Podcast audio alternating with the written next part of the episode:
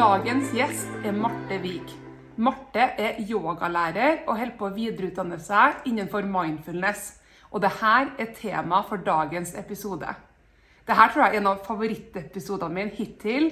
Marte er varm, lun, artig, og hun gir oss veldig praktiske tips på hvordan vi kan starte med en egen meditasjonspraksis. Jeg håper at du liker episoden.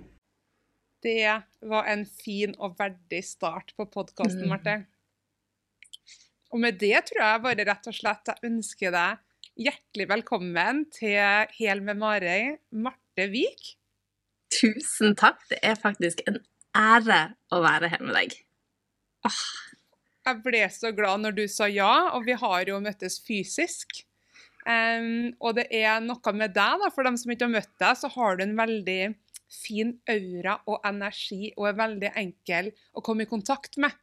Så når du takka ja, så tenkte jeg denne episoden den tror jeg blir varm og artig. Og det tenker jeg òg fra når vi møttes oppe på Nøsen. Du snakker om energi. Det er noen mennesker som bare liksom, når du møter dem, og kjenner at vi må ha møttes før. Altså dette er connection med en gang. Og det var, det var kort, men det var fint. Og siden da har jeg også fulgt deg på Instagram. Og det er liksom det er rørende å se ærlighet, det er inspirerende å se noe ekte der ute i denne Instagram- og sosiale medieverdenen. Så bare det å få lov til å snakke med deg og skravle skravle en time i lag, det har jeg virkelig sett fram til. Takk for det. Og du er jo her fordi at du gjør veldig, veldig mye spennende. Du er jo tjenestedesigner med over 15 års erfaring både i kommunikasjon og ledelse. Men i tillegg så er du yoga- og mindfulness-lærer. Og det er jo de to temaene vi skal snakke om eh, på episoden her. Det er mindfulness og meditasjon. Mm. Og eh, det er jo litt i vinden, og det er noe jeg er veldig glad for, at det er i vinden. Vi har jo Haaland bl.a. som snakker om altså, hva meditasjon har gjort for hans konsentrasjon på fotballbanen f.eks. Men før vi kommer dit hen hvor vi skal snakke litt om hva er mindfulness og hva er meditasjon, så er jeg litt nysgjerrig på å høre hva er det som fikk deg interessert i mindfulness og meditasjon? Mm. Da må vi faktisk eh, via yogaen. Eh, og vi møttes jo på Nøsen under en yogafestival. I 2000, er to barn. Kaja er født i 2009. Og når jeg gikk gravid med henne, så gikk jeg på sånn barselyoga. Og jeg syntes det var så rart. Altså, jeg holdt på å knekke sammen av latter underveis, og jeg gikk utefra, så jeg var liksom totalt motsatt av det du ser nå, og hun jeg var da. to forskjellige personer. Og eh, flytta hjem til Andøya. Vi skulle ta ett år permisjon der. Vi bodde da i Oslo, både mannen min og meg. Han er også fra Andøya. Og så flytta vi hjem. Og jeg var da trener på treningssenteret til eh, foreldrene mine. Jeg hadde da startet et nytt treningssenter. Eh, faren min hadde legepraksis i et bygg, og så lurte vi hva skal vi gjøre med dette bygget nå. Og da var det treningssenter, så det ble eh, eh, ombygd til. Og der hadde jeg corebar, høyintensitetstime, svetting, eh, rope høyt. Altså det var liksom høy intensitet og utnytte hvert sekund på treningssenteret. Og timen før meg så står jo jeg står liksom ute i gangen og venter på i lag med de folkene jeg skal da ha time med. Så kommer den gjengen som hadde timen før meg ut, og de kommer litt sånn salig blikket, sånn hei, hei. Jeg var sånn er det så feiler dere? Vi er på treningssenter, hvorfor, hvorfor renner ikke svetten av dere, eller Jeg syns det var liksom rart, og hun treneren deres, Irene, altså snakk om god energi, altså hun er helt fantastisk. Så, liksom, så jeg ble jo nysgjerrig på henne, og ble da til slutt med på denne timen som var før. Og det var da en kamuflert yogatime. Det heter noe sånn kjernemuskulatur eller et eller annet, men det var yoga. Og da, I yogaen så ligger man jo i shavasana på slutten. Og jeg, ikke, jeg husker ikke om det var første eller andre eller tredje time jeg ligger der, hvor eh, i shavasana så guider hun liksom slappe av i kroppen, slappe av i kjeven, puste og kom og trykte oss på skuldrene og masserte panna. Og det var plutselig et sekund det var sånn Altså det var et nanosekund, det var helt stille. Og jeg følte en sånn lykkefølelse og en takknemlighet og alltid sånn rush av følelser på det lille sekundet, og ingen tanker. Og etterpå så er jeg sånn Hæ? hva var det? Hva skjedde der? Og jeg er jo nysgjerrig av natur, og da bare dykker jeg dypt inn i alt som eh, jeg kanskje ikke var utsatt for i oppveksten.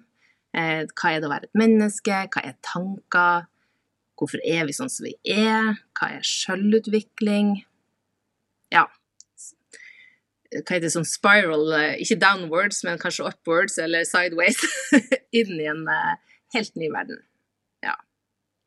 Det var sånn det starta. Mm. Mm.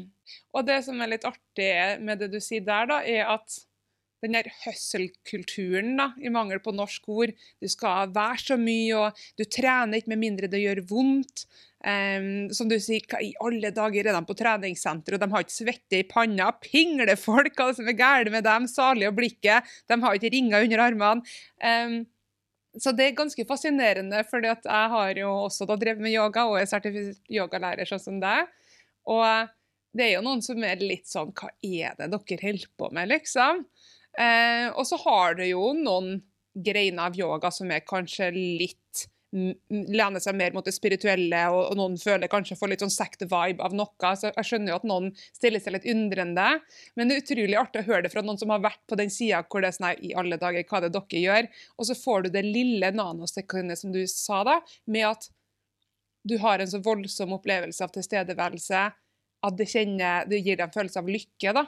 Og den nysgjerrigheten det trigger, det er det som jeg tror er nøkkelen i ikke bare yoga og mindfulness, men i det meste i livet at vi kan jo ikke Ja, du kan ikke preache.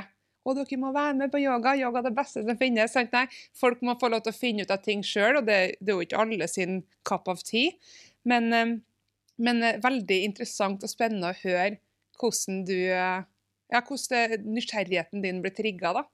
Så da hadde du et sånn lite nanosekund i shavasana. Og shavasana for dere som hører på som ikke har gjort yoga, så er det den liggende stillinga vi har på slutten av timen. Dødmannsstillinga er det også noe som kaller den på norsk, høres litt brutalt ut. Men det er da på en måte du høster alt du sår i yoga. Da Da har du hatt en kanskje litt heftig time, enten fysisk eller emosjonelt kanskje, og så får du ligge der, og i tillegg, hvis du får berøring, som det hørtes ut som det du fikk, det er ekstremt avslappende. Ja. Ja, så den, eh, den, verden jeg da dykka inn i altså, jeg gikk, jo, jeg gikk, jo, i alle retninger fra det superalternativet og så på YouTube hva var det for noe, til um, det som var forska på, hva sier forskninga om dette. Um, og i alt det her uh, denne nysgjerrigheten, så ble jeg automatisk mer åpen òg. Jeg vil si at jeg var veldig lukka og dømmende før. Uh, det du ikke kunne ta på og føle på, det var ikke ekte. Det fantes ikke til å bli mer sånn nysgjerrig på OK, så vi er bare vibrasjon. OK, hva er det for noe? Altså, ja. En sånn eh, virkelig nysgjerrighet på alt. Og så, som du sa, at jeg er jo tjenestedesigner, og jeg har også vært grafisk designer. Og akkurat den tida når alle begynte å skulle ha apper, så ble jeg sånn OK, jeg på, var på en sånn eh, svær konferanse, og det ene foredraget jeg hadde tatt, handla om app, og utvikle en app. Og så sitter jeg og tenker OK, app, ja, det måtte være kult å lage noe som jeg bryr meg om, sånn at jeg klarte å relatere hva han sa. Så jeg skal lage en app, hva ville det ha vært? Og så tenkte jeg åh, eh, meditasjonsapp, det er kult. Og gikk da, mens jeg sitter på dette kurset, inn på AppStore. Det var da fire meditasjonsapper som lå der da. Og tenkte jeg hæ? Er det ikke flere enn fire? Og så gikk jeg på Domeneshop for å se på domenet, og det var meditere.no var ledig. Oi, kjøp! 120 kroner. What? 120 kroner? Det er helt sykt. Hvilket årstall snakker vi? Eh, det er ca. 2017-2016, rundt om der. Så det var liksom sånn eh, Snakk om tegn. It was meant to be. Eh, så da kjøpte jeg det, lærte meg å lage app, samtidig som jeg da laga en meditasjonsapp og utvikla den nettsida Um, ehm, meg først noe som heter Body Balance, som er en sånn treningssenterform av yoga, pilates og tai chi slått sammen. Og etter det så begynte øya jeg bodde på Andøya. Det er jo ikke stor øy, vi var kanskje 5000 mennesker. Yogaen begynte å forme øya. Altså det er også så klart takket være Irene, hun som hadde timen før meg. Eh, hun begynte å ha yogatimer, flere utdanna seg, det kom yogalærere flyttende til. Så vi kaller det jo nå Yogaøya, fordi det var så mye yoga der. Så da ble det yoga nesten hele tida. Vi hadde Henriette Lien oppe, hadde yogadag med goodiebags og dekorerte hele idrettshallen for å inspirere sånn si, flere til å gjøre yoga og skjønne at det er ikke så rart, eller det er ikke noe skummelt, eller det er ikke en sekt, eller alle de tingene som folk kanskje tror og forbinder med, med dette miljøet. da. Var det gjennom det miljøet du ble introdusert til barselyoga, eller var det uavhengig av den opplevelsen du hadde i shavasana?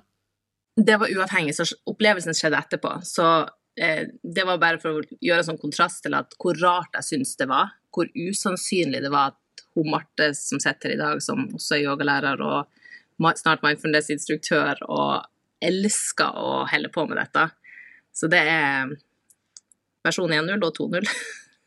Deilig. Oppgradert versjon. Men var barselyoga noe du ble anbefalt av jordmor, eller på en måte hvordan fikk du den anbefalingen? Nei, altså vi bodde jo da i Oslo, og jeg hadde hørt litt om yoga. Altså, det var liksom sånn akkurat som en begynte å bli noe kult, men jeg syns ennå det var veldig rart. Og siden jeg var gravid, så var det noen andre gravide som sa at eh, fødselen kunne bli lettere hvis du gjorde yoga som barselyoga. Og så var det et veldig lekkert yogastudio så jeg var lokka inn i. Og, eh, men hver time var bare eh, I dag skjønner jeg jo takk Gud at jeg gjorde det. Det har gjort at begge fødslene mine sikkert har vært mye bedre. Ved at du lærte deg å puste og koble hodet på kroppen.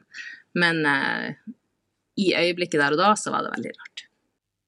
Fullførte du da? Gjorde du barselyoga over lengre tid, eller?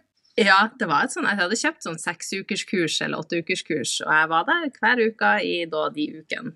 Ja, det er ganske imponerende når du allerede syns det er litt kleint å faktisk eh, gjennomføre. Så klapp på skuldra til Marte 1-0 også, for å faktisk eh, peise på.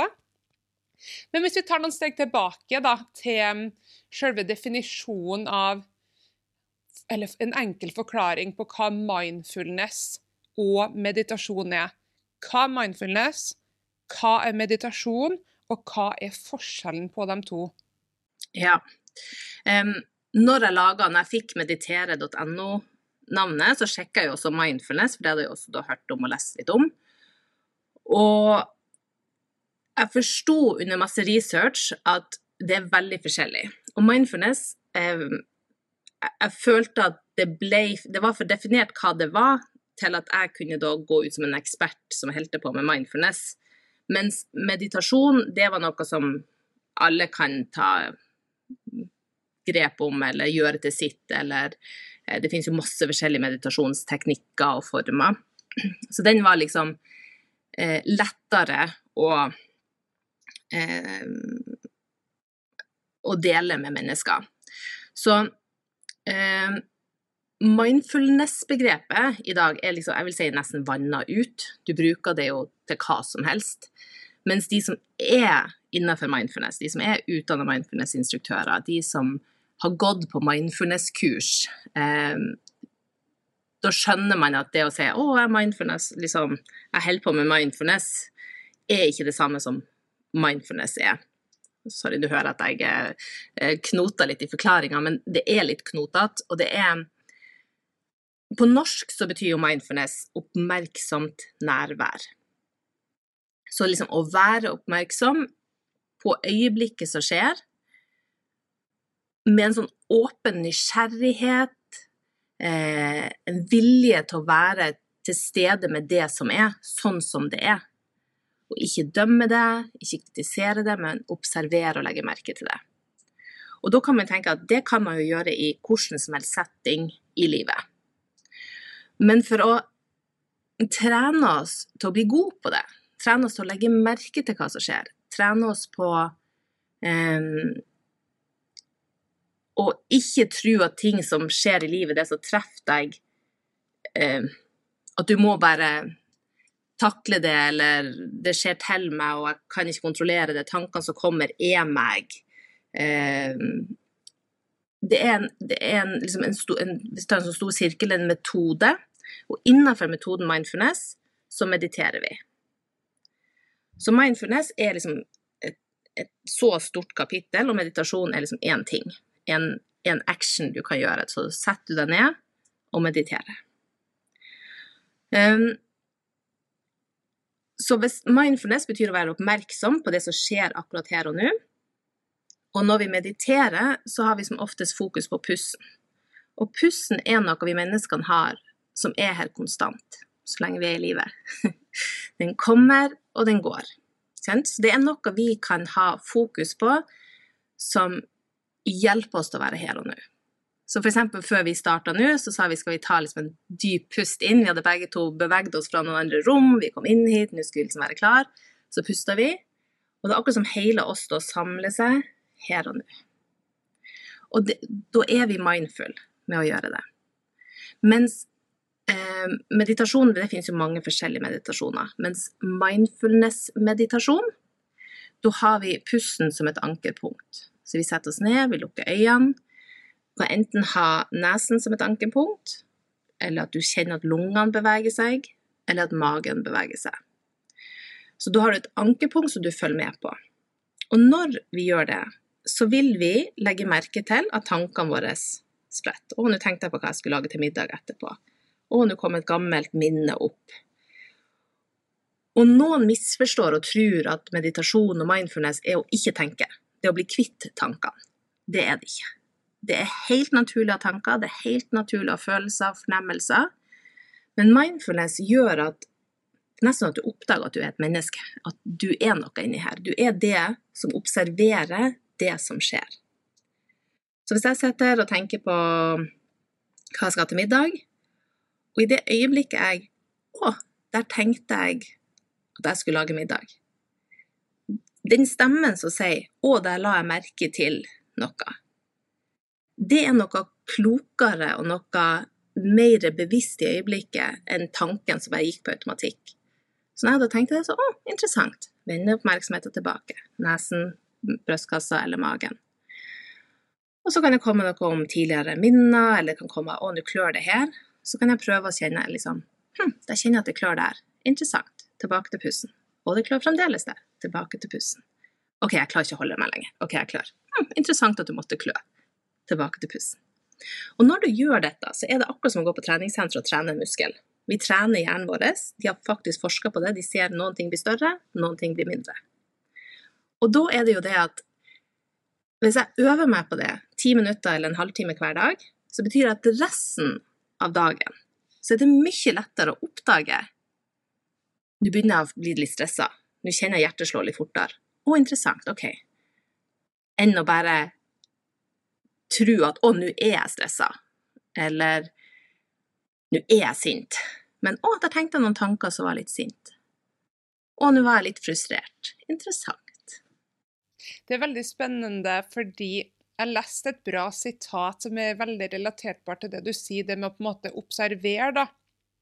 Og det er mye du nevner nå som mange kan kjenne seg igjen i, og det er de mytene med at meditasjon eller tilstedeværelse betyr fravær av tanker, fravær av bekymringer.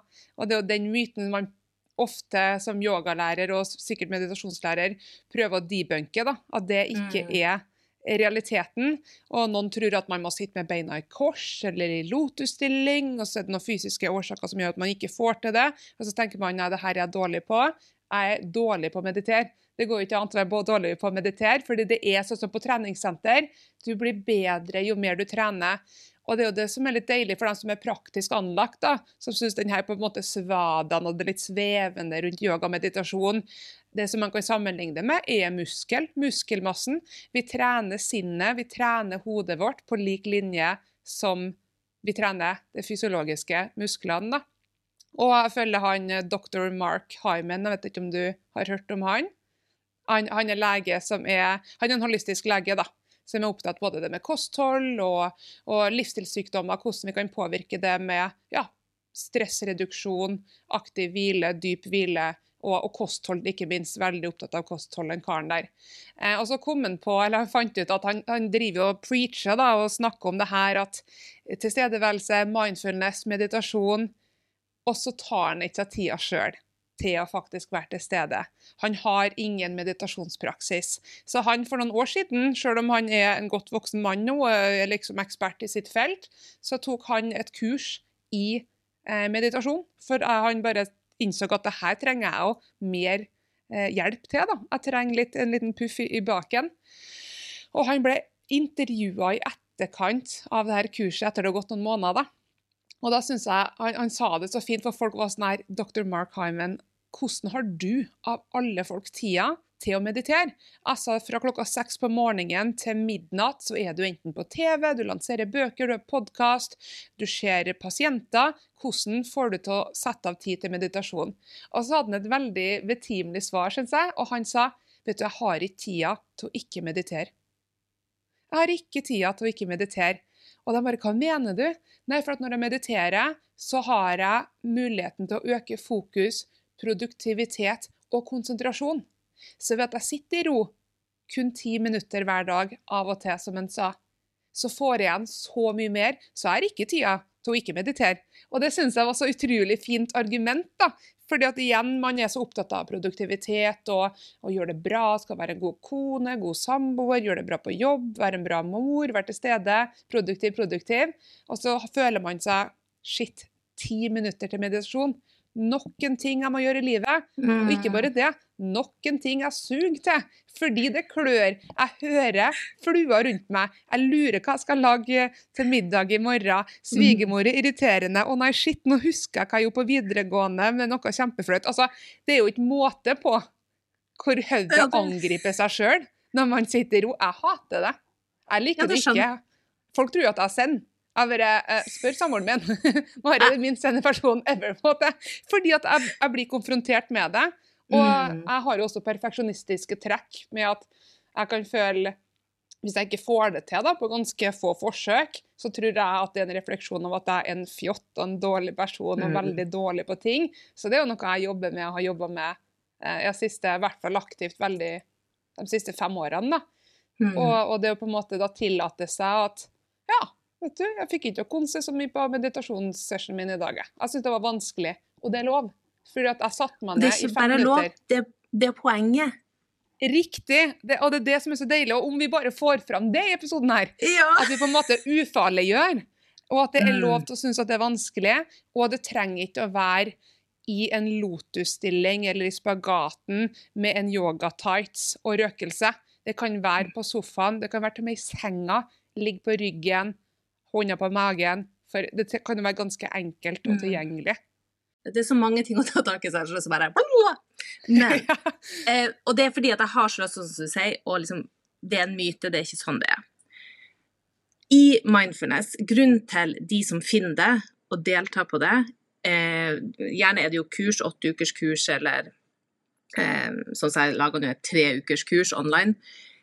Én, du må ha disiplin for å faktisk sette seg ned. Altså, eh, I den utdanninga jeg tok, så står liksom hver dag skulle du meditere. Vi starter med ti minutter, og så skal det være 30 minutter på slutten. Og siden jeg hadde betalt så masse penger for kurset, og fordi jeg er pliktoppfyllende, så skulle jeg tilfredsstille læreren og pengene jeg hadde brukt. Da skulle jeg søren meg gjøre det hver dag. Så fra jeg begynte på kurset i januar til sommeren, jeg satt hver dag og mediterte. Uansett hva og gjorde det gjerne på kvelden, akkurat når ungene var liksom i å pusse tennene og, og, legge seg. Så satt jeg liksom her oppe, jeg har ei ullmatte liggende her. Jeg har liksom laga meg et koselig hjørne som skal være min faste plass. Her skal jeg sette meg ned og meditere.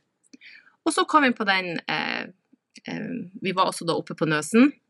Da var vi liksom ferdig med det halvåret hvor vi skulle meditere sjøl hver dag. Så klart, vi skulle jo fortsette med det, men det var liksom ikke det som var målet lenger. Så kommer sommerferien, dag én. 'Å, jeg rakk ikke det i dag.' Nei, men det er ikke så farlig. Og så dropper jeg en dag. Og så dropper jeg plutselig neste dag, og så begynte jeg å få dårlig samvittighet. Og da blir det sånn, ok, men hva er, liksom, hva er lette ting? Jo, det å sette på en guida meditasjon. En yoga nidra, f.eks., hvor noen snakker til deg hele tida, og du gjør ting som den forteller, og da slapper jeg av, og det var kjempedeilig. Og så lager jeg da det kurset. Jeg har um, filma liksom hver dag, laga et kurs i mindfulness. Og da tenkte jeg litt sånn OK, nå lærer jeg, jeg bruker hjernen min til å liksom produsere mindfulness, og da er jo det tilsvarende som meditere. Så jeg mediterte jo ikke på et par uker. Og det å vite at det er greit, fordi verdien jeg hadde de ukene, var takket være det halve året. Og det som er interessant, det er at jeg nå, eh, liksom når sommerferien var over, kunne observere hvor forskjellig jeg tenkte og var nå kontra mens jeg mediterte. Og det å ha det beviset for seg sjøl at det faktisk funker så sinnssykt bra, kontra når du ikke gjør det. Og det er sånn som du sier, at når du Sånn som han som Jeg husker ikke hva han heter, han legen du nevnte. Hyman. Hyman. Mark Hyman. Mm. Ja, når han da setter seg ned og øver seg og trener hjernen, muskelen frontal, eh, det som skjer i front, eh, øker, og denne her frykt og eh, fight and flight Jeg klarer ikke å si hva det heter engang. Fight and flight-responsen, amygdala, den faktisk krymper. Så når, når han sitter og trener i ti minutter, trener muskelen sin, så presterer han bedre. Han er mer konsentrert.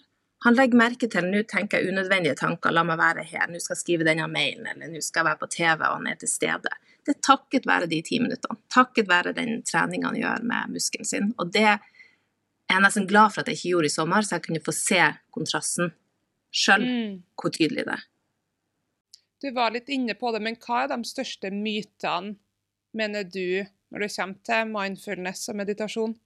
Jeg tenker ennå at noen syns at det er sånn rart alternativ lilla batikkmønster på ei alternativmesse, at det tilhører en annen verden som de sjøl ikke vil identifisere seg med. Eh, det jeg har lagt merke til, altså en TV-serie som heter Billions på HBO Det er liksom sånn aksje, De er ikke aksjemeglere, men de kjøper og selger og tjener masse millioner og er superfokusert på jobb. De hadde et eget meditasjonsrom, altså på TV-serien der, hvor disse high performancene eh, folkene gikk da inn og mediterte daglig for å prestere mer. Og det begynner jeg å se nå, at det kommer mer opp i sosiale medier, du ser det på forsida av VG og Dagbladet, på butikken. Eh, av det nå er blitt forska så mye på, så er det akkurat som at det er blitt mer akseptert. Men mange forbinder jo det litt med yogaverden eller um, ja, det alternativet. Og ennå folk Altså, jeg, had, jeg jobber jo som konsulent i et konsulenthus, og hadde da i fjor yogatimer annenhver uke med dem. Og det var jo de samme folkene som kom da gang etter gang. Og så starter vi opp igjen nå. Vi hadde første time i går. Og vi hadde en sånn after work-drink forrige fredag, hvor eh, det var noen sånne unge menn i, som satt der liksom Nei, det, det skulle ikke de være med på, de skulle heller trene. Og jeg var sånn Kom igjen, ta med handa, liksom. Bare bli med på én time.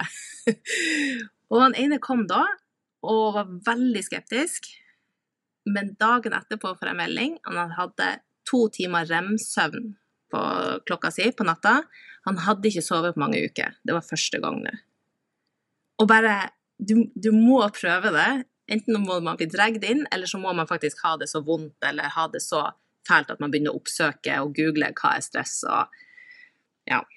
For en deilig beskjed å få som en lærer. altså For en kul feedback. Én ting at på en måte du sagt 'kom igjen', og kudos til personen som ble på timen, selv om han ble med alene og ikke med kollegaer og kompisene. Det er kjempemodig å prøve noe nytt. Og så I tillegg så får han den opplevelsen med at han fikk økt rem-søvn og sove bedre enn han har gjort på flere uker. Mm. ja så jeg tror liksom, så, Første spørsmål du sa, var jo med mytene, så er det det.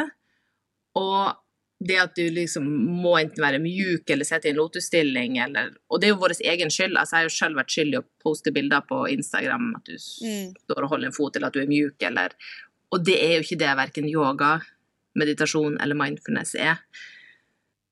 Så det er jo en, eh, en del av selvutvikling, og selvutvikling kan ofte misoppfattes som at da er du et dårlig menneske, eller da, har du, da presterer du ikke bra, eller at det er noe negativt til det, mens jeg mer ser på det. Hvordan kan jeg utnytte det fulle potensialet i meg?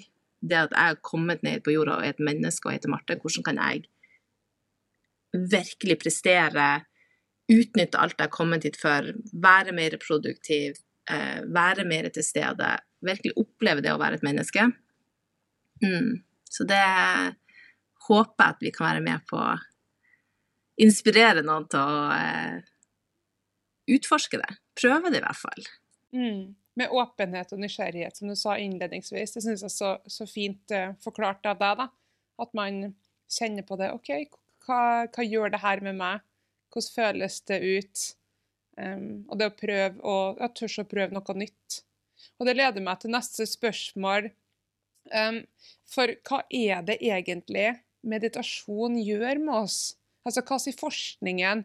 Hva, hva er det det gjør med hodet vårt og med kroppen. Du nevnte jo at han modige mannen som ble med på timen din, han opplevde jo en økt eh, rem-søvn og bedre søvn. Men, men, hva er det annet man kan oppleve hvis man har en eh, meditasjonspraksis? Når tankene dine på en måte får ha fokus på noe, på én ting, så blir det automatisk mer ro. Da er ikke tanker der ute, du blir mer samla. Gjør du f.eks. en kroppsskanning, hvor du sier som ta oppmerksomheten din ned høyre tommeltott, i pekefingeren, så får kroppen én ting å fokusere på da, og det som skjer da, er at du får en opplevelse av ro. Du blir mer til stede. Um, og så tenker jeg at det de har forska på, det som faktisk skjer, er jo at du trener muskel. Um, så du, liksom, du, kan øke tykkelsen på hjernebarken. Uh, du kan redusere amygdala, som er liksom det området som genererer denne flykt- og stressresponsen.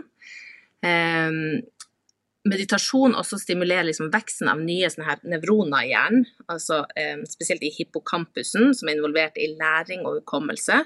Så du husker bedre, du får mer og økt konsentrasjon. Ikke bare når du mediterer, men da etterpå også. Um, og du får en sånn følelse av ro. Og så er det sånn at det er da en vanlig type meditasjon. Da får du den um, effekten av. Men så er det en sånn tricky bit med mindfulness, er jo at hvis du tror at du er tankene dine, altså Hvis det handa mi nå er tanker, og så er det liksom, den beveger seg nå fort da, på, inni hodet mitt, du har masse, masse tanker. Når vi begynner å øve oss på å meditere, og legge merke til å, nå tenkte jeg på middagen, eller nå tenkte jeg på det, så er det liksom en del inni meg sjøl I mitt hode så har akkurat som hun Marte, som er litt klokere, som er litt lengre bak her, hun observerer å, nå tenkte hun Marte her den, og nå tenkte hun Marte det. Når du begynner å legge merke til tankene dine, så får du på en måte en sånn avstand. Så hvis tankene før var her, så er tankene her nå. Og da ser du jo dem. Og da kan det en periode føles som uro. For det som tidligere du trodde du var, ser du på. Og da kan ubehageligheten komme. Da kan det være sånn 'Å, det vil jeg ikke se på'. Og jeg snakka veldig mye om skyggesider. Mine dårlige sider som man helst ikke vil se på, som man har brukt lang tid på å pakke ned og sette som kumlokk. OK, dette dyr her nede. Og når ting begynner å poppe opp, og du begynner å se på det, så kan det føles i starten som at det er mer uro. Men den uroen, og dette har jeg sjøl bevis på at det faktisk er sant, for meg sjøl så kan jeg si at jeg føler at når jeg da kan se på det, så identifiserer jeg meg ikke med det. Jeg oppdager òg at det du er redd for å se, så tror du at det blir permanent. Men det er akkurat som det skjer en sånn forløsning, akkurat som i et mørkt rom når du slår på ei lommelykt, at du setter lys på noe, så enten bruker du masse, masse energi på å holde det nede, eller i et sekund eller når man er klar for det, og det kommer et lys på det, så akkurat som det evaporate Hva heter det på norsk? Fordufte. Ja, fordufte. Ja. Mm, ja. Mm. Så du vil oppleve ro langsiktig. Du vil få det bedre langsiktig. Men så, så det der jeg tror meditasjon og alle forskjellige meditasjonsformene, da opplever du ro der og da. Men som menneske, å få det bedre langsiktig, så er mindfulness-meditasjon, hvor du har mer fokus på pusten som et ankerpunkt, det er litt mer stille den, hvis du har på headset og hører på en ti minutters mindfulness-meditasjonsøkt, så guider man litt i starten, og så er vi som lærere stille, hvor du skal konsentrere deg. Og da kan det oppleves som uro, fordi du ennå har litt lyst til å holde ting nede. Men når man ser på det, så akkurat som etter hvert når man øver seg, så det blir borte. Og da har du mindre ting under det kumlokket. Og da går du rundt i livet med en mer letthet, med mer aksept, med mer en forståelse av at å, jeg er ikke alt det jeg har identifisert meg med. Du begynner å legge merke til vaner og mønster du gjør som kanskje ikke er så gunstig for verken meg eller familien rundt meg. Jeg har begynt å legge merke til um, ting som jeg haussa meg oppover før og ble skikkelig irritert for. Kan jeg nå si sånn hm, Så interessant at jeg ble så frustrert over det. Og så er det jo ikke å dømme at jeg blir det når jeg blir det, men sånn akseptere og være nysgjerrig. Å, så interessant at Marte ble så forbanna der. Ha, artig. Å, der skjedde det! Gud, så urettferdig! Så hauser jeg meg opp, så klart. Jeg er jo et menneske og opplever masse av dette. Men før ville jeg kanskje gått ei uke og vært frustrert. Og kanskje delt min frustrasjon med 100 mennesker som jeg møtte. bare, «Du aner ikke hva som skjedde, og tenk at han gjorde det. Og nå er det bare sånn hm, Så artig at du ble så frustrert. Å, interessant. Tilbake til pussen. Hva skjer akkurat her og nå? Å, jeg er her. Det var bare en tanke. Det var bare en følelse. Det gjør det liksom lettere å bevege seg som et menneske. Hva er ditt beste råd hvis noen har begynt å praktisere eh, oppmerksomt nærvær eller mindfulness, meditasjon? Altså kjenner man at den der grumsen, da, skyggesiden av seg sjøl, kommer opp. em, og det er så konfronterende at de egentlig har lyst til å slutte. Hva gjør man da? Hva er ditt beste tips i den situasjonen? Og jeg, og det var noe jeg også har vært nysgjerrig på, siden jeg sjøl ikke har noen dype traumer. I hvert fall kan godt hende det ligger noen under kumlokket som jeg ikke har tort å sett på ennå. Det er jo at um, han Ivar Wæler, som jeg har tatt min mindfulness-utdanning til, han sier jo det at for nå til dags er det veldig populært med sånn ayahuasca eller sopp, eller så, du skal få sånn spirituelle opplevelser, og så blir man kvitt posttraumatisk stress for et øyeblikk. Men det han mener da, at det går så fort at nervesystemet i kroppen din er kanskje ikke klar for å håndtere det som kommer opp. Mens mindfulness, du skal ikke gjøre noe, du skal ikke oppnå noe, du skal øve deg på å akseptere ting sånn som de er. Og da bygger du på en måte en eller annen type sånn styrke, en toleranse for deg sjøl som menneske, som gjør at de, ingenting vil komme opp før du er klar for at det kommer opp. Så det er ikke sånn man sitter der og så Å, herregud, tenk hvis det der kommer opp igjen. Altså, øvelsen er å legge merke til hva som er her og nå. Med en aksept, med en åpenhet, med en nysgjerrighet, vennlighet. Og det er ingenting vi skal oppnå. Vi skal ikke bli kvitt noe. Vi skal ikke bli et bedre menneske. Mindfulness-øvelsen er å være nysgjerrig, se på det. Hm, interessant. Tilbake. Hm, interessant tilbake. Og kanskje på grunn av at du øver deg på det, som uka etterpå, når du gjør noe helt annet, så kommer det kanskje et minne eller en tanke opp som du da er klar for å se, hvis ikke så hadde det ikke kommet opp.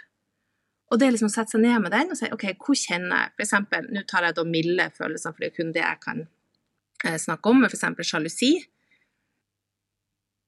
Og så kan jeg få sånn Å, jeg husker når jeg var tolv år eller ti år, at venninna mi gjorde et eller annet, eller gikk til ei anna venninne og ikke ville være sammen med meg. Det var kanskje for Marte tolv år en traumatisk opplevelse, som jeg da prøvde å pakke ned og ikke ville se på.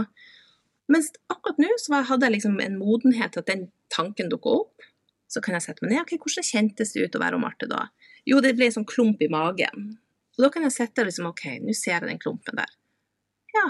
Det er liksom akkurat som at du som voksen gir deg sjøl det, det barnet eller den omsorgen du trengte da, eller eh, Med å la den være og se på den, sette lys på den, akseptere den, ikke dømme den, ikke ønske den bort, men virkelig bare være med den følelsen og den tanken. Og for meg så har det i hvert fall vært jeg vil ikke si magi, eh, magisk, men det er akkurat som at med å sitte med den, med å la den være, så sånn så det transformeres til noe annet. La oss si at det er noen som lytter på nå, og som er hm, OK, nå har jeg hørt at jeg kan forbedre fokuset mitt, konsentrasjonen min, eh, kan være mer til stede.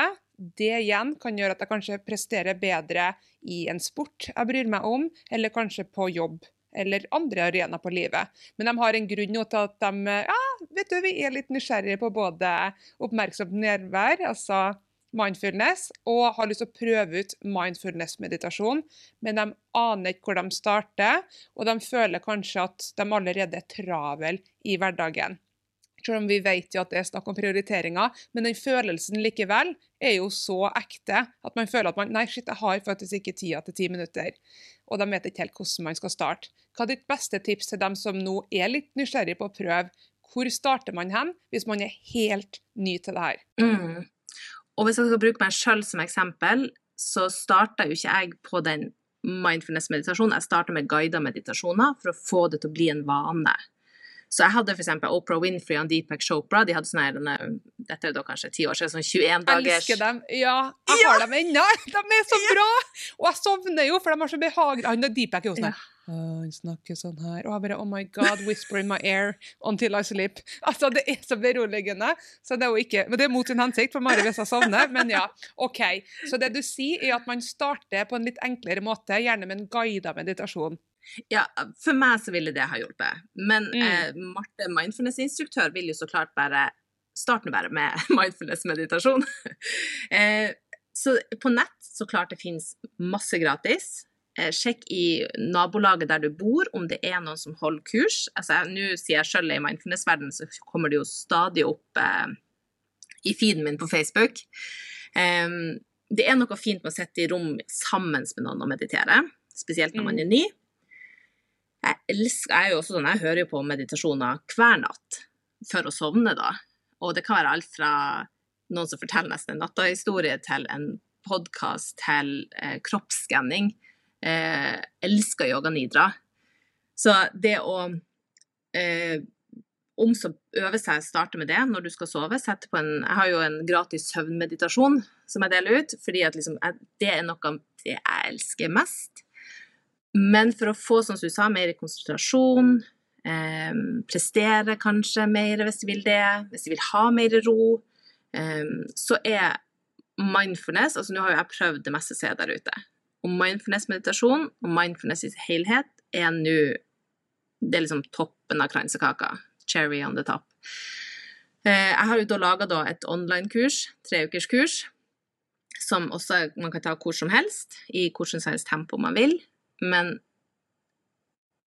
er du nysgjerrig, om så bare liksom gå på Spotify eller på YouTube og søk 'Guided 10 minutes mindfulness meditation'.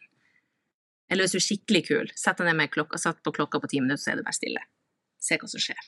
Mm. Det er for dem hardcore. Jeg er jo ikke kommet Ja. dit sjøl. Bare sånn alle som lytter, som tror at jeg og Marte er bare helt Vi sitter i 45 minutter med beina i kors og kjempestille. Jeg er ikke der, for å si sånn. Så jeg syns det er veldig vanskelig. Og har per dags dato kun um, jobber kun med guida meditasjon, faktisk. Men det er også litt pga. bakgrunnen min, og det tenkte jeg faktisk å nevne bare sånn kjempekjapt, for jeg vet jo jeg har vært åpen med eh, komplekse traumadiagnoser. Em, og jeg vet jo at det er mange av oss som har den diagnosen som det blir faktisk litt for skummelt uh, å sitte i ro.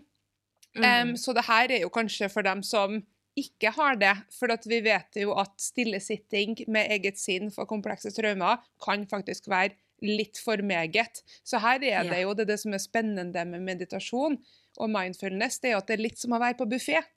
Altså, liker du kaviar, så trenger du ikke å spise kaviaren. Du på en måte, du smaker deg fram, og så finner du en stil som føles komfortabel ut. Og så er vi jo heldigvis Vi utvikler oss hele tida. Og du snakka jo om Marte 1.0 og Marte 2.0, sant ja? Og så kanskje har du en type stil av mindfulness og meditasjonspraksis du liker nå, og som appellerer nå, og så finner du noe annet senere, når du utvikler deg, f.eks. Så jeg ville bare ha det sagt, hvis det er noen som lytter nå og kjenner at for noen av oss som har hyperårvåkenhet, da, så er den der stillesittinga så vanskelig fysiologisk at man går helt Man får faktisk eh, Ja, jeg kan få pustebesvær f.eks. ved å sitte, i hvert fall når det på en måte røk og føk på det verste, så fikk jeg pustebesvær av å sitte i ro.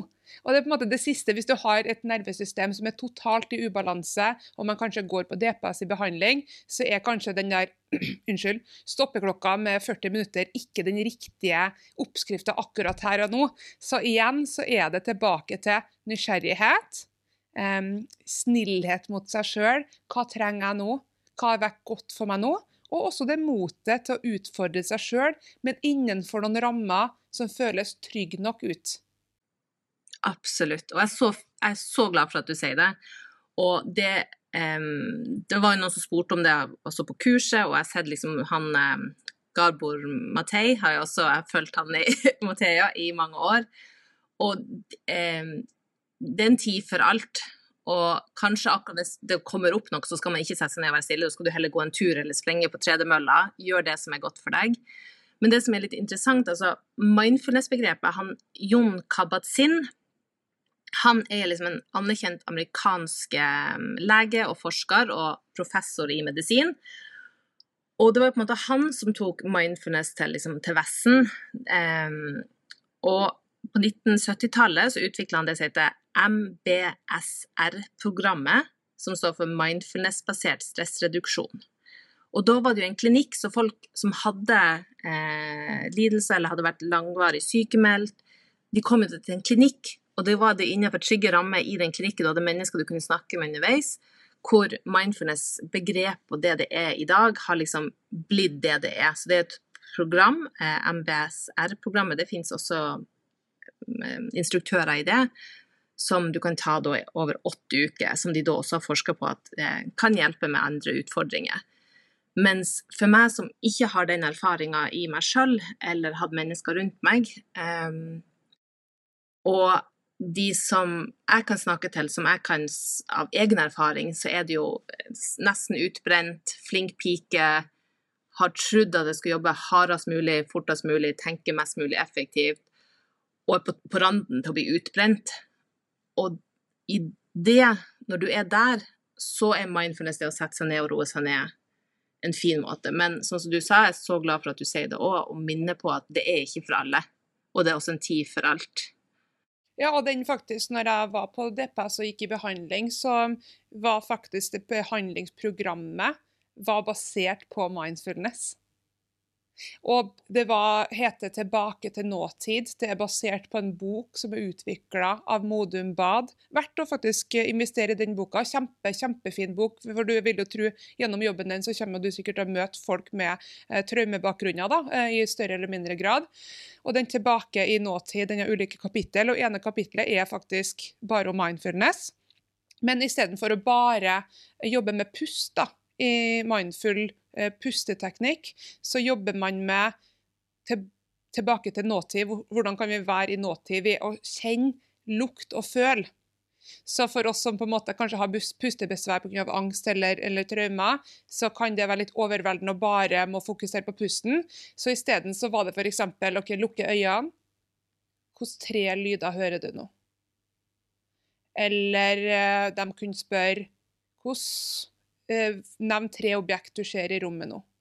Og da må man tilbake til nåtid. For det er faktisk fysisk umulig for meg da, som pasient å være i traumet mitt samtidig som jeg enten lytter til lyder her og nå, eller skanner rommet for å fortelle OK, jeg ser en vannflaske, jeg ser en gardin, jeg ser en pute. Og så har de kunnet sagt hvilke farger ser du på puta? Jo, den er Og så måtte jeg forklare. Og da har de fått meg tilbake til nåtid ved hjelp av andre sanser enn pust, da. Fordi det var for vanskelig for meg der og da. Men det er bare på en måte for å anerkjenne for dem som snakker ja, mindfulness, hva det er, det er bare svevende. Nei, det er ekstremt mye forskning på området. De bruker det i fengsel. Og de bruker det i traumebehandling, også på DPS-en. Så jeg ville bare nevne det, fordi at det var Jeg har aldri prøvd det før, før jeg gikk i akkurat den type behandlinger. Og jeg var veldig overraska over hvor effektivt det var. Altså fysiologisk. For å være helt sånn Jeg er jo en overstimulert amygdala. Hyperårvåkenhet er jo noe av min på en måte sideeffekt. Så jeg som skanner rommet, er litt utrygg, kan bli redd hvis folk går bak meg f.eks. For, for tett, for nært. Eh, jeg kan bli redd av ganske mye, for lista er ganske lang. Så det er litt sånn slitsomt å være Mari av og til. Og da på en måte å være så i kroppen og kjenne at skuldrene går høyt opp, og jeg puster, for, puster fort, sant, og det blir for overveldende. Og det siste jeg får til å tenke på da, er faktisk pusten min, for jeg føler allerede at jeg kveles fordi at jeg puster så fort. Men det å da må skanne rommet og si tre objekt, f.eks. lukke øynene og høre lyder, den fysiologiske differansen det ga med at OK, nå er jeg her. Eh, og det, det, er også de kjenner på føttene. Hva kjenner du nå? Plasser begge fotsålene i bakken. Forklar hvordan det føles ut. Er det kaldt? Er det varmt? Har du på deg sko? Altså, de, de tvang meg hele tida til å komme tilbake til nådtid, nådtid, nådtid. Og det er, jo, det er jo faktisk oppmerksomt nærvær. Det er ulike teknikker vi bruker for å komme tilbake til her og nå. Og det er jo det som er definisjonen Jeg vet ikke om det er faglig definisjon, men altså Angst er jo en engstelse for, for framtida, sant ja?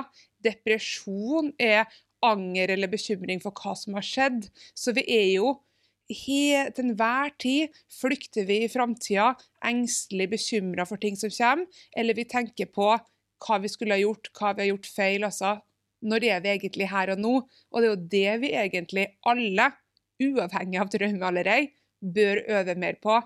Vær til stede her og nå. Åh, oh, du forklarer det så fint, og jeg håper Spol tilbake du som hører på dette, så hører du det en gang til.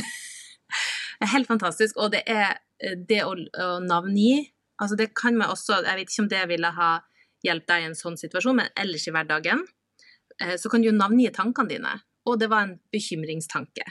Det var en mm. stresstanke. Det var en planleggingstanke. Du analyserte. For med en gang som du gjør det, så må du være her. Du må være til stede. Idet du tenker det, det var en planleggingstanke, ta-da, du var her. Elsker det. Og de har et begrep på det der. Name it to tame it, sier de på engelsk. Ah, altså ja. si det for å temme det. Name it to tame it. Og det høres så banalt ut, men her igjen, tilbake til forskning. Nå må jeg må finne forskningsartiklene på det her og legge det med i, i teksten til podkasten. Ja. Men de bruker jo også det her i organisasjonsutvikling og jobbing med ansatte i Jeg tror det var AtB i Trøndelag. Og der tror jeg det, For de skulle bytte bussrutene. Altså ikke bare litt, men alle bussrutene skulle legge om. Og hvis jeg husker riktig, jeg må dobbeltsjekke det her, men hvis jeg husker riktig, så skulle de for å lære da, alle stakkars bussjåførene måtte plutselig lære helt nye ruter. sant ja? Eh, og ikke bare noen få, alle rutene var nye. Helt forskjellige, både avgangene og hvor de skulle kjøre hen. Og de brukte da ikke 'name it to tame it', men forskning viser jo at vi sier det, så husker vi det bedre. Altså vi, vi skjønner. Eh, mentalisere, da, som Kari, hun som var min gjest til første episode av Hel med Mari, hun snakka om mentalisering. Og det å nevne det, da tepper vi inn en del av hjernen så vi får til å huske det mer. Så de hadde både en sånn pekekonsept og, og, og si her kjører jeg banen her, banen er der og der, før de faktisk setter seg i biler og kjører. Um, så, så, det å på en måte Fantastisk. si OK, det her er en bekymringstanke. Ja, name it to tame it. Google det, for det er faktisk fagartikler om konseptet. Så det er jeg veldig glad for at du nevnte. Altså, skikkelig, skikkelig fan av name it to tame it, Sånn det. Men det er, så, det er, så, banalt, men likevel så effektivt. Og det er jo ingenting mm. som er diggere enn simple metoder som faktisk funker. Altså Man trenger ikke å ta en doktorgradavhandling for å få forbedra livet sitt da, på noen områder. Mm. Og det der eh, det du gjør da, at du gjør noe du ellers gjør, at du prater og setter navn på ting, men sånn som eh, jeg snakka i stad om hvis du skal få en meditasjonspraksis, det å ha disiplin. Men det som kan være lurt òg, er å henge det på gamle vaner. Altså, du pusser tennene dine hver kveld og hver morgen. Forhåpentligvis. Hvis ikke du gjør det, så må du gjøre det. så hvis du f.eks. kobler meditasjon på det, så hver morgen etter å ha pusset tennene, så setter du den ned i fem minutter. Så har du mm. kobla det på en tidligere vane, og da er det også mye lettere å fullføre den og um, faktisk gjennomføre det. Jeg noterer nå, for den der er faktisk Jeg elsker praktiske tips, og det var egentlig det var jo det mitt spørsmål var, som jeg bare nå tok helt av på andre temaer jeg snakka om. Men spørsmålet mitt var jo for dem som er noe nysgjerrig og har lyst til at dæven, det her skal jeg prøve. Jeg skal prøve mindfulness-meditasjon eller en eller annen form for meditasjon. Og da sa du at hvis man er helt ny, så går det an til å starte med de guida meditasjonene. Er man mm. ekstra ivrig, så kan man jo kanskje gå rett på mindfulness-meditasjon. Og du har jo en app som man kan uten tvil eh, sjekke ut, og skal lenke til den i, i teksten. Så og da må jeg bare si at ja. Jeg må bare si at den, den appen laga i 2017, så det er ikke en mindfulness-meditasjon, men det er en guida meditasjon. Okay. Sånn mens ja. kurset eh, som jeg har ute, det er jo mindfulness-kurs, eh, og i den så har jeg mange meditasjoner. Og der finnes det mindfulness-meditasjon. Ja. Men fortsett nummer to. Ja. Så nummer én det finnes guida meditasjoner ut der. Mm -hmm. Nummer to vi kobler det på allerede etablerte vaner. Som f.eks. OK, når jeg pusser tannebissene, etter det så setter jeg meg ned i fem minutter. Ja. Enn er det noen forskjell? Nå lurer, Vi har jo noen perfeksjonister som hører på podkasten, det vet jeg jo. Flere av mine venninner er jo flinke piker. Så nå kommer de sikkert til å lure på ja, men er det bedre at de gjør det på morgen eller kveld. Altså, er det noe, Har det noe å si når på døgnet man mediterer? Har du noen tips der? Nei, men jeg har hørt mange som har sagt de liker å gjøre det på morgenen. Før dagen har starta. For det er akkurat som at du er nullstilt, du har sovet, du er nullstilt, du kan sette deg ned, da er du ennå nullstilt og kan fortsette på det når du mediterer. På slutten av dagen så kan det gjerne at du bruker den første tida nesten på å bare reflektere hva har skjedd i dag, og, liksom alle følelsene, alle vibrasjonene du har vært igjennom, kommer opp. Men det er òg helt greit, for det er en fin øvelse i seg sjøl. Og jeg tenker også at Hvis jeg skulle gitt ett tips til eh, i det kurset mitt, så lager jeg et sånn arbeidshefte. Og Det første arket, eller den første liksom, oppgaven er å sette seg et mål. Hvorfor vil du begynne å meditere? Hva vil du oppnå med det? Fordi da har du liksom et mål å strekke deg mot. Selv om det er ikke noe mål i at du skal bli flink å meditere, men det hjelper oss mennesker, spesielt vi som er litt sånn flink pike og vil bli en bedre utgave av oss sjøl. Jo, jeg vil gjøre det for at jeg vil få mer konsentrasjon, eller Og da blir det automatisk en motivasjon for å fortsette å gjøre det en dag du kjenner at 'å, jeg har ikke så lyst'. så mm. har du liksom det som det var derfor jeg ville gjøre det. Og så vil jeg også ha skrevet ned på et papir hva tid har du tenkt å gjøre det. Jo, jeg har tenkt å gjøre det hver morgen etter jeg pusser tennene. Igjen, vi snakker om å si det høyt, men noe å skrive det ned på et ark. Post-it-lapp, sette det på tavla. Hva tid skal du gjøre det, hvorfor skal du gjøre det, og hvor lenge skal du gjøre det. Og så lager du liksom en avtale med deg sjøl. Jeg har til og med i mitt hefte har jeg fått deg liksom skrive 'signer her'. Du lager en øvelse og en signatur, en avtale med deg sjøl for at nå skal jeg øve meg på å prøve å gjøre dette, kanskje la oss si 10 dager, 21 dager. De kursene som du også har tatt til Oprah Winfrey og Deepak Chopra, det var jo 21 dager. Og det er fordi at de har forska på at det tar så lang tid for at det skal bli en vane, og du fortsetter med det resten av livet. Hvor lenge bør man holde på hvis noen lurer på OK, når er nå steg nummer én, steg nummer to klart? Nå lurer jeg på hvor lenge bør jeg meditere hvis jeg er helt ny? Mm, jeg ville sagt ti minutter. Og i utdannelsen min også, så starta vi ti minutter den første tida for å få det til å bli en vane, for å bli vant med det, for å huske på en måte å gjøre det hver dag, og det ikke skal bli sånn overveldende i starten. Så økte vi til 20 minutter, og så på slutten var det 30 minutter. Og det var over fire-fem måneders tidsperiode, altså. Ja. Jeg liker veldig godt den avtalen, at du signerer til deg sjøl. Jeg har jo en coach, Sissel, elsker coachen min, hun er en sånn sprudlende nordlending. Og, eh, og, hun bruker alltid å holde meg ansvarlig for Eller hun prøver i hvert fall å ansvarliggjøre meg på å holde egne avtaler. En racer på å respektere andre sine tid, tidsfrister. En racer på å virkelig gi jernet på vegne av andre. Vi snakka jo litt om det introduksjonsvis før vi starta å spille inn episoden i dag. Det at vi kanskje har det litt til felles at vi er veldig glad i jobben vår. Altså den vanlige jobben i gåseøyne, hvis mm. man kan mm. si det. Eh, jeg tror både jeg og du kan bli ganske engasjert og bli gira. Eh, vi er vel ekstrovert eh, til en stor grad, både jeg og du. Og eh, så ofte så er de løftene jeg har gitt meg sjøl, de forsakes, da. Mari kommer i andre rekke, for det er viktigere å gjøre ditt og viktigere å gjøre datt for andre. Og da kommer jeg litt tilbake til den holistic psychologist hun eh, har du følger du henne på Instagram? Mm, ja, ja, så klart. Og i boka, ja, selvfølgelig. Eh, og i boka hennes Hun starter jo med det. Mm. OK, hvordan jeg har Jeg føler at livet suger. Jeg er deppa. Eh, ting fungerer ikke. Forholdet mitt fungerer ikke, jeg er ulykkelig på jobb, jeg skjønner ikke hva som er galt med meg, jeg har ikke noe kjempetrauma, men jeg føler at livet er traumatisk likevel. What the fuck skjer? Og hun sier ja, vet du hva, vi starter med endring. Vi starter med å holde et lite løfte til oss sjøl.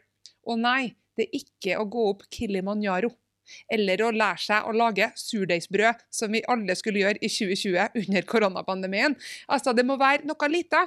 Det kan være mm. faktisk så lite som å vet du, Jeg skal starte dagen med et glass med vann før kaffekoppen min. Og det skal jeg gjøre, sånn som du sier. Skal gjøre det i 14 dager, så skal jeg se hvordan det får meg til å føle. Og så har mm. du en avtale med deg sjøl.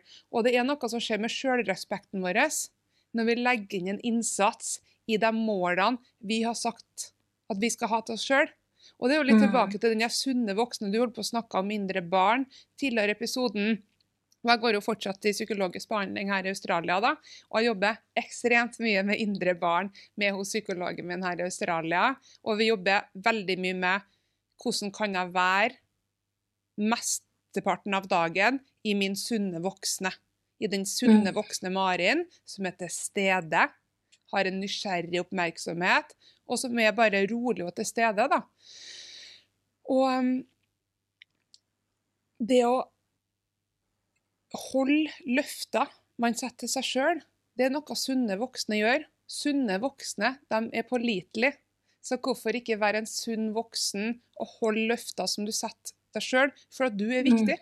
Dine Mm. mål betyr noe. Dine mål bør ikke komme i andre rekke. Så jeg digger den der kontrakten som du har Jeg skal Mm. lage det nå, faktisk. Jeg skal lage en meditasjonskontrakt. Og det skal sies, jeg har kjøpt en app til Jeg betaler jo for den i hvert fall 1200 kroner i året hvert år, og sikkert gjort de siste seks årene, så det er jo nesten 7000 kroner. Eh, og det er den der Mind, Hva heter? Headspace? Den appen. Headspace, ja. Ja, Mm. så den eh, sponser den. Den har jeg sponsa. Aldri fullført. Og de har tidagers. De starter med OK, tidagers liksom deres kurs da, for nybegynnere. Det er Mm. tidagers, og det er ti minutter hver dag. Og jeg har aldri fullført ti dager på rad i hele mitt liv. Jeg er 32, Mm. snart 33 år. Aldri klart å sitte ned ti Mm. dager på rad. Jeg har gjort ti dager, men ikke etter hverandre. Nei, og det er den um, uh, Det er litt sånn en kontrast her nå, uh, og det er ikke for å ta bort entusiasmen, men hvis vi lager en kontrakt med oss sjøl, og vi ikke klarer å holde den, så blir man litt sånn Å, nå klarte jeg ikke det heller. Og da blir det plutselig en sånn negativ em, Du bytter den positive tanken ut med en negativ Mm. tanke. Men det å gi seg sjøl et eller annet sånn eh, vi kvinner som har menstruasjonssyklus, og i en årssyklus Jeg kan jo være i den ene uka Jeg skal faen meg ta verden og klare alt, og så går det ei uke og bare sånn Å, jeg hater hele verden! så det er også at, at, man er at man er nysgjerrig på seg sjøl. OK. Den, når du tenker tanken 'Å, nå gjorde jeg ikke det i går', jeg mediterte ikke i går, jeg laga meg den kontrakten. Se om man da Hm, det går fint. Jeg begynner igjen nå. Men å være litt nysgjerrig på hvorfor gjorde jeg ikke det? Og så se Kanskje jeg kan ta to minutter ekstra i dag, da. Eller at du lager deg en sånn eh, Ikke backup-plan, for da tar du jo bort, sånn som du sa, den krafta. Men Og jeg tror jeg egentlig sier dette til meg sjøl i hovedsak, fordi at jeg er, jeg er så streng på det. Nå skal jeg begynne å trene. Jeg vet ikke hvor mange Mm. sånne treningsprogram jeg har kjøpt, og matprogram og fasting. Og, og jeg, er, jeg er et sånn avhengighetsmenneske. Så hvis jeg først åpner opp for å spise godteri, så er det nesten sånn at jeg kan gå og snike i skuffen etter ungene har lagt seg. Håper ikke dere hører det. Men når jeg da sier jeg skal ikke spise godteri Jeg har klart å holde meg i fire år, og så var det et eller annet som gjorde at jeg sprakk, og så tenkte jeg nå starter igjen. Og så var det kanskje en måned, og så sprakk jeg, og så klarte jeg kanskje et år. Og akkurat nå så var jeg inne på Vi har to kontorer på jobb, det ene kontoret hadde godteriskål. Så fulgte jeg venninna inn dit, og så gikk jeg dit, så tok jeg en sånn, så jeg hører ei som sier bakerst i rommet Hei, Marte, du spiser jo ikke godteri! Og det føles bare sånn «Åh!» Og så bare tenkte jeg Nei, vent litt. Nei, det stemmer det, jeg gjorde ikke det. Men jeg sprakk forrige uke, så nå tillater jeg meg den. Og ikke dømme seg sjøl for det som skjer der, men det ga meg inspirasjon til at jeg tenkte i morgen etter lørdagen, da stopper jeg igjen. Fordi at hun fikk meg til å føle sånn. Social pressure. Ja. Jepp. Jepp. Det hjelper, det òg. det, det er viktig at du nevner det, fordi det er ikke knirkefritt. Altså det, da er man tilbake til perfeksjonister. La oss si at man går på en, en smell da, og ikke har gjort det på et par dager. Det er faktisk bedre da, å starte igjen og si OK, opp igjen, vi prøver på nytt, enn at man gir opp hele sulamitten. Og det er litt sånn som man jobber med i AA, Anonyme alkoholikere. Um, jeg liker jo veldig deres ti steg, for jeg syns filosofien bak hvordan de jobber, er veldig fin. da. Um, og, og som de sier, eh, hvis man skal gi seg etter man sprekker, da det jo i hvert fall ingen eh, ende på smertene man gir seg sjøl og til andre. Så det der med å være en sunn voksen og si OK, vi prøver på nytt. Og vi skal prøve på nytt igjen og igjen, helt til det blir en vane, da. Ja, og det er jo det å forske på synapsene i hjernen. ikke sant? Du har to nevroner, og så har du alltid gått til høyre. Så den der den er blitt en bane, og den holder seg fast. Og det er nesten så du må ta foten din, så må du løfte den til venstre, og så bare Nei, det gikk ikke i dag. OK, til høyre. Men neste dag, jeg prøver. Og så til slutt så går det faktisk. Mm. Så bare klarer du å sette foten der. Og det vil jo si at neste gang du klarer det, så er det litt lettere og litt lettere. Og til slutt så er det, skjer det igjen. Oh, oh, da hopper dit heller. Og så lager du nye baner. Men det, du må ha den her disiplin, og da hjelper det oss mennesker å hekte det på en tidligere vane, og vite hvorfor du gjør det. Skriv denne motivasjonen. Lag den kontrakten. Bruk alle verktøyene du har for å måtte presse deg, for det, det er jo en positiv ting. Om det gjelder kosthold eller trening eller meditasjon, det er jo positive ting, men dessverre er vi mennesker sånn at vi gjerne er, har hatt noen dårlige vaner, og vi blir lurt av eh, industrien rundt oss og kapitalismen og alt. Men det å i hvert fall prøve, og som du sa, da starter vi på dag én igjen. Men den dagen der er i hvert fall litt liksom, si, høyere opp enn dag én forrige gang. Du har mm. vært der før. Og da tilbake til å være den sunne voksne for seg sjøl. La oss si, hvis vi bruker en annen metafor, da, at man lærer barnet sitt å sykle, f.eks og man øver, og du er på dag nummer tre på sykkelen med barnet, og barnet detter av igjen. Du sier ikke da Nei, din skitunge, nå setter vi bort sykkel. Du klarte ikke på tredje forsøk, og det var faktisk det siste forsøket du får. Du får ikke lov til å lære deg sykkel, du nå. For hvis du ikke klarte det på tre forsøk, sorry, Mac. Sykkelen den skal på loftet. Altså, Man gjør jo ikke det med barnet, og man skal heller ikke gjøre det med seg sjøl. Vi utvikler oss, vi må få lov til å lære oss noe nytt. Det er lov til å være nybegynner, også som voksen. Om du er 37 eller 74, har ingenting å si. Når vi lærer oss noe nytt, så tar det tid. Og det, vi må ha, gi rom vi, til at det skal ta tid, og at det blir feil underveis. Mm. Åh, så fint sagt. Ja. Og jeg har ikke egne barn, men se for meg at jeg blir kjempeflink til å lære bort sykling. Jeg er en sånn veldig nervøs syklist, for jeg sykler sånn med begge hendene. Så vidt jeg tør, hvis Stiv drar forbi med bil, så vidt jeg tør å vifte med ei hånd. Mens her, han er jo sånn skillfar med begge hendene. Han sykler sånn her, han er bare OK. Så det ble jo en liten digresjon, men det skal bli en spennende affære. Å, oh, fantastisk. Men hva er det du syns folk bør vite om mindfulness og meditasjon? Hva er det på en måte som du brenner for å spre budskapet om? Oh, det er den dagen jeg oppdaga at jeg ikke var tankene mine. Mm. Frigjørende. Skulle, ja, jeg skulle ønske alle kunne få oppleve det. Og vi har de tankene vi har fordi den historien vi har. Eh, Marte som har vokst opp på Andøya versus hvis jeg hadde vokst opp i jungelen i Sør-Amerika. Jeg kunne ha blitt født med samme sjel og samme kropp, men jeg ville jo vært helt forskjellig. Og det å forstå at eh, Hvis du legger merke til hva du tenker, og at du ikke er tanken din, du legger merke til følelsen du har, men du er ikke følelsen. Du er en som har en trist tanke, eller en eh, klump i magen, men du er ikke den. Det er så frigjørende at det, jeg kunne vært en sånn misjonær som hadde bare gått rundt og gjort det. Og det er deilig. Det er frigjørende nettopp fordi man frigjører seg fra den børen. Det kan av og til være eller føles ut å være seg sjøl. Og det er det som er litt trist, at mange Den største mobberen man er, er mobberen man er mot seg sjøl av og til. Og det og den der fine metaforen det du sa med at man, måtte, man får en avstand mellom tankene og følelsene og selve, da. The spirit self. Man kan bruke litt sånn svevende ord. Men det å distansere seg på at jeg er ikke tankene mine. Jeg er ikke følelsene. Det er det som skjer med meg nå. Men, men jeg er ikke tankene mine. Det syns jeg er veldig fint. Så da har vi tre faktisk veldig praktiske tips. Og det er, hvis jeg skal oppsummere dem, da, så er det det at det finnes guider. Det finnes verktøy der ute som kan, man kan starte med en guide. Det er lurt å kanskje koble det på en allerede vane. og Vi har snakka om tannpuss på morgenen, f.eks. Også det å lage den kontrakten med seg sjøl, med at det er lov til å ta, gjøre noe feil i den kontrakten. Det er en liten skrift under der som står Vet du, om du glemmer det eller ikke får det til en dag, så er du elska. Jeg digger deg. Vi prøver igjen. I got you. High five. Og så signerer man det med en egenkjærlighet og nysgjerrighet og, og rom for feil, da.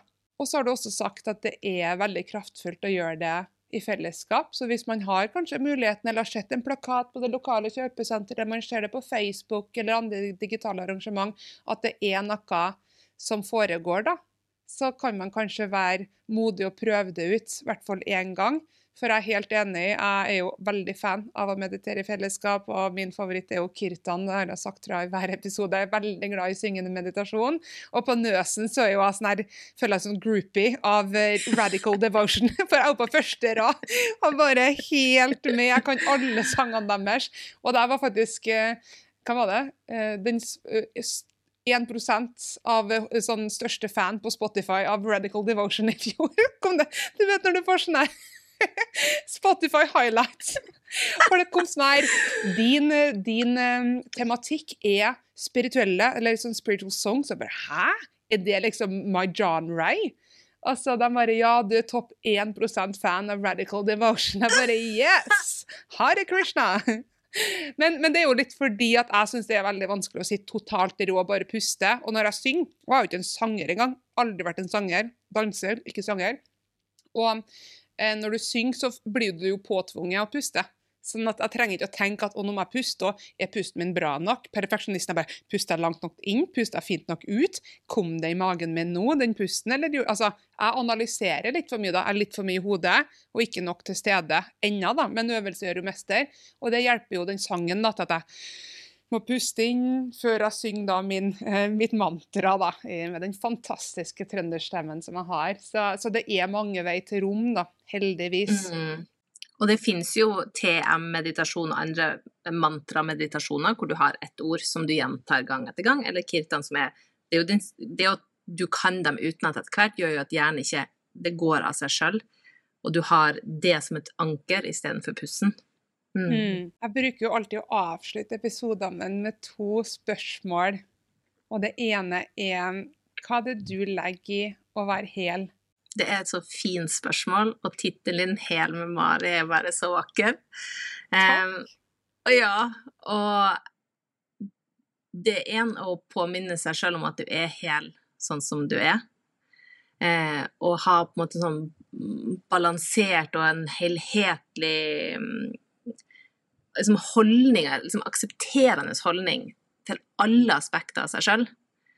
Og alle tankene vi har, alle følelsene vi har, alle sosiale relasjoner vi har. Altså aksepterende og nysgjerrighet. Å møte seg sjøl med det er å være hel for meg. Mm, veldig fint sagt. Hva med en sitat eller bok som har på en måte rocked your world? Er det noe du har lest eller kom over som virkelig har påvirka livet ditt? Mm, jeg har eh, både en bok og et sitat. Og boka som jeg Alle må lese den. Og jeg er så spent nå om du har lest den, du. Ja, jeg bare tenker, hva er det Marte skal si? det er Glennon Doyle, 'Untamed'. Ja! For ei tøff dame. Altså, Jeg kjøpte den i jula i fjor, og jeg skjønner ikke hvordan jeg har gått glipp av den boka der tidligere. For Hun snakker mye om den perfeksjonismen, at hva hun trodde livet skulle være, kontra Men jeg er jo ikke lykkelig her. Og så bare stilte hun spørsmålstegn. altså Hele livet rakna. Altså bare, jeg skal ikke si noe mer, men ja, les boka. Ja, og enten les boka, eller jeg hørte på den hvor hun, Glennon Doyle sjøl leser boka. Og det er en helt annen Jeg hadde ei jeg ba ei på jobben lese den, hun er svensk, hun leste på svensk. Eh, skjønte ikke, jeg prøvde en gang til, for hun hørte at det var så, og så hørte hun på den og leste den på engelsk, og med hun Glennon, det var en helt annen opplevelse.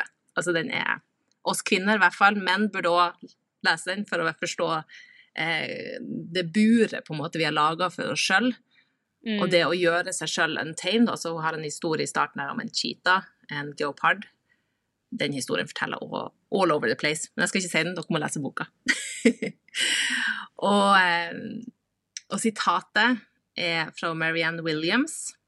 Jeg er faktisk ikke sikker på om hun eier det eller ikke, for om hun har lest den en annen plass. Um, lov til å lese den? Den er litt lang. Ja, jeg tror jeg vet hvordan det er, og det er mitt favorittsitat òg, så nå skal bare sette meg tilbake og nyte sitatet her. Det, det er til deg, Mari. Our deepest fear is not that we are inadequate. Our deepest fear is that we are powerful beyond measure. It is our light, not our darkness, that most frighten us. We ask ourselves, who am I to be brilliant, gorgeous, talented, fabulous? Actually, who are you not to be? You are a child of God. Your playing small does not serve the world. There is nothing enlightened about shrinking so that other people won't feel insecure around you. We are all meant to shine as children do. We were born to make manifest the glory of God that is within us. It's not just in some of us, it's in everyone. And as we let our own light shine, we unconsciously give other people permission to do the same. As we are liberated from our own fear, our presence automatically liberates others. Å, nå fikk jeg tårer i øynene. Det der var veldig, veldig fint. Tusen takk, Marte. Tusen takk, Mari, for at du er du. I like måte. Og jeg må si på det diktet der, det jeg føler du, veldig mange andre òg, men du gjør, det er at ved at du er deg sjøl og deler så gladelig av erfaringer og den kunnskapen du har tilegna deg, og du er ditt sprudlende vesen, og du tillater deg å vise glede i jobb og i livet generelt, da viser du nettopp det at det er lov til å skinne. Og indirekte så gir du oss rundt deg tillatelse til å skinne. Så diktet går i retur til deg også. Tusen takk. Tusen takk, Mari. Så for dem som har lyst til å bli bedre kjent med deg, kanskje ta kurset ditt, hvor kan vi finne mer informasjon om det? Um, på Instagram, hvis du går på meditere.no, altså, altså, navnet er med en dot òg, punktum, meditere.no, så er det også en link til kurset mitt der. Jeg har også nettsida meditere.no, som står litt mer om meg.